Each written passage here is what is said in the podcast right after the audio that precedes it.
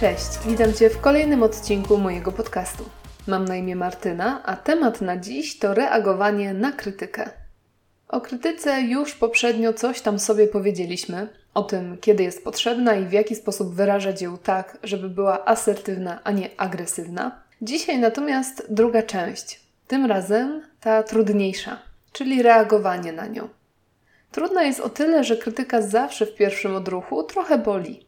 Czy jest słuszna, czy nie, i czy jest agresywna, czy nawet asertywna. Zaryzykuję stwierdzenie, że większość z nas, ludzi, jest dość wrażliwa i nie ma super wysokiego poczucia własnej wartości. A co za tym idzie, każda negatywna opinia początkowo powoduje złość, smutek, przygnębienie albo chęć obrony. I właściwie oprócz asertywnej, przez psychologów wymieniane są zwykle dwie główne nieasertywne postawy wobec krytyki dziecka i oskarżonego.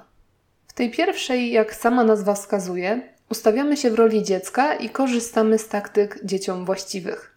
Są to głównie zaprzeczanie faktom, usprawiedliwianie się, milczenie, strach, poczucie winy lub atakowanie krytykującego.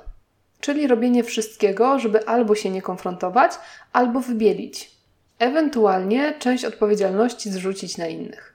Postawa ta jest o tyle niekonstruktywna, że tak naprawdę do niczego nie prowadzi. Krytykujący nie zmienia zdania, my nie wyciągamy lekcji, a często jeszcze dolewamy oliwy do ognia i pokazujemy się jako osoba właśnie dziecinna. Z kolei przyjmując postawę oskarżonego, większość naszych wysiłków skupia się na udowodnieniu naszemu oskarżycielowi, że nie jest tak, jak on mówi. Bronimy się, wysuwamy kontrargumenty, walczymy. I być może w porównaniu ta druga postawa jest trochę bardziej konstruktywna od postawy dziecka. Tyle, że nie jest ona konieczna. Bo tu ważna uwaga. Monika Gregorczuk, od której miałam przyjemność uczyć się asertywności, napisała nam o tym tak i tu pozwól, że zacytuję, bo nie jestem w stanie lepiej tego ubrać w słowa. Asertywne przyjmowanie ocen, nie tylko ocen negatywnych, czyli krytyki, ale także ocen pozytywnych, czyli pochwał, wiąże się z akceptacją siebie jako osoby i przyjęciem postawy jestem w porządku, nawet gdy robię coś nie tak lub popełniłem jakiś błąd. Asertywne przyjmowanie ocen polega na traktowaniu takiej oceny jako jednej z możliwych opinii, a nie obiektywnej prawdy o nas samych. Jeżeli traktujemy oceny innych jako opinie, wtedy możemy się albo zgadzać z tą opinią i podobnie o sobie myśleć, albo możemy nie zgadzać się z nią i posiadać odmienną opinię na własny temat. Czyli z polskiego na nasze, ktoś mówi ci: jesteś leniwa, leniwy. Jest to krytyka oceniająca, ponieważ ktoś przypina ci jakąś łatkę. Traktując te słowa jako fakt o sobie samej czy sobie samym, albo wpadniesz w rolę dziecka i zaczniesz się obrażać, zamykać w sobie, usprawiedliwiać albo bronić, albo wejdziesz w rolę oskarżonego i zaczniesz tej drugiej osobie udowadniać, że nie ma racji. Ale możesz też potraktować te słowa po prostu jako opinię tej osoby i się z nią zgodzić lub nie. I tyle. Jeżeli sam sama o sobie myślisz, że jesteś osobą leniwą, możesz odpowiedzieć: Tak, też tak o sobie myślę. Też tak uważam. Czy mam podobne zdanie na swój temat? Ale jeżeli się z nią nie zgadzasz, wystarczy, że odpowiesz: Ja tak o sobie nie myślę. Myślę o sobie inaczej. Ja tak nie uważam, czy mam inne zdanie na swój temat. I to naprawdę wystarczy. Tym samym bronisz swojej granicy, bronisz swojej własnej opinii, w tym wypadku na własny temat, a równocześnie nie zabraniasz drugiej osobie mieć tej opinii odmiennej. I to jest właśnie zachowanie asertywne. Co jest najlepsze w tej technice, to bardzo często, jeśli krytykant spodziewa się, że będziesz się mu tłumaczyć i usprawiedliwiać, Twoja reakcja może go naprawdę zaskoczyć i wytrącić mu z ręki jego moc. Widzisz, najczęściej tych, którzy nas atakują, napędza nasza reakcja, nasze emocje, sytuacja konfliktu, która się dzięki temu rozwija. I niestety najczęściej tych ludzi nie możesz zmienić. Ale to, co możesz zrobić, to nie wchodzić w to i nie dolewać wody na ich młyn. Samochód bez paliwa w końcu stanie. No dobra, ale tutaj mówię o bardzo prostych krytykach oceniających, czyli jesteś nieodpowiedzialny, nie ogarniasz i tym podobnych. A co w sytuacji, kiedy ktoś nas krytykuje w sposób bardziej złożony? I tu wszystko zależy od tego, czy jest to krytyka faktycznie asertywna i słuszna, czy nie. Jeżeli jest słuszna, jak na przykład ta, którą ja usłyszałam, że kilkukrotnie zdarzyło mi się w jednym odcinku powtórzyć parę razy to samo i przez te odcinki sprawiają wrażenie nieprzemyślanych i chaotycznych, cóż wtedy najlepiej podziękować za uwagę i naprawdę się nad nią zastanowić, a następnie poprawić to, co nie działa. Bez obrażania się, bez rozlewania tej uwagi na całą swoją osobę. Mówiąc sobie, jestem beznadziejna, niczego nie potrafię zrobić dobrze i tak dalej, bo to w niczym nikomu nie pomoże. A jeżeli jest to krytyka złożona, ale nie asertywna, no i tu może być kilka jej rodzajów. Ktoś może uogólnić jakąś faktyczną sytuację na całą sferę życia. Czyli mogłaś czy mogłeś się spóźnić na jakieś spotkanie, ale słyszysz, ty nigdy nie przychodzisz na czas. Innym razem może to być uogólnienie pojedynczego faktu.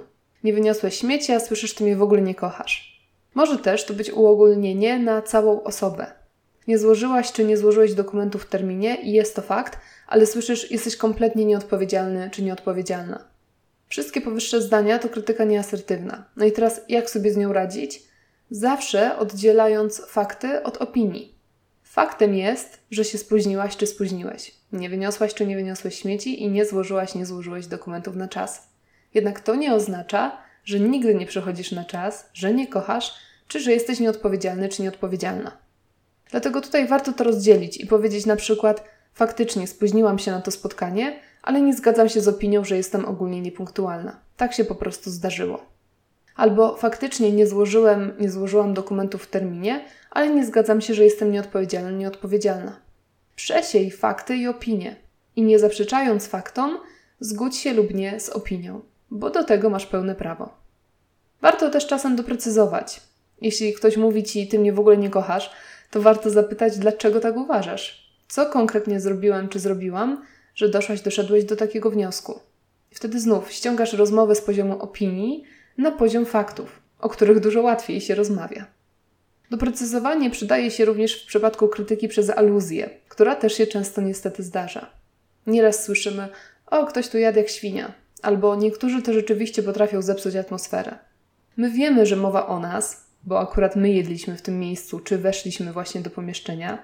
Krytykant wie, że mówi o nas, a jednak aluzja krąży po pomieszczeniu nieruszona. Wtedy warto właśnie doprecyzować. Powiedzieć, to ja byłam w tym miejscu, czy uważasz, że jem jak świnia? Wówczas zmuszamy krytykanta, żeby wziął odpowiedzialność za swoją opinię, a następnie jak wyżej. Zgadzamy się z tą opinią lub nie. Jak więc widzisz, krytyka wcale nie musi być taka zła, o ile znormalizujemy swój stosunek do niej i zaczniemy ją traktować jako to, czym jest faktycznie, czyli albo konstruktywną uwagą na temat naszego konkretnego zachowania, czyli czymś, co może nam pomóc stać się lepszymi i poprawić swoje błędy, albo czyjąś opinią na nasz temat, z którą możemy się zgadzać lub nie. To tylko tyle i aż tyle. Okay, wystarczy teorii na dziś. Mam nadzieję, że dzisiejszy odcinek dał Ci choć troszkę do myślenia i znormalizował Ci tą nieszczęsną i oczernianą krytykę. I mam przeogromną nadzieję, że teraz już się jej tak bardzo nie boisz i przestaniesz pozwalać na to, żeby strach przed nią powstrzymywał Cię przed działaniem, jak to często się zapewne dzieje. Nie wiem, czy w Twoim przypadku, ale w moim dawniej działo się to nazbyt często. Więc jeśli miałeś, miałaś podobnie, to mam nadzieję, że już mieć nie będziesz. No dobra. Tyle gadania. Dzięki Ci za poświęcenie mi kolejnych kilku cennych minut Twojego życia. Nie przedłużam, żegnam się, życzę Ci wspaniałego dnia. Do usłyszenia niebawem i cześć.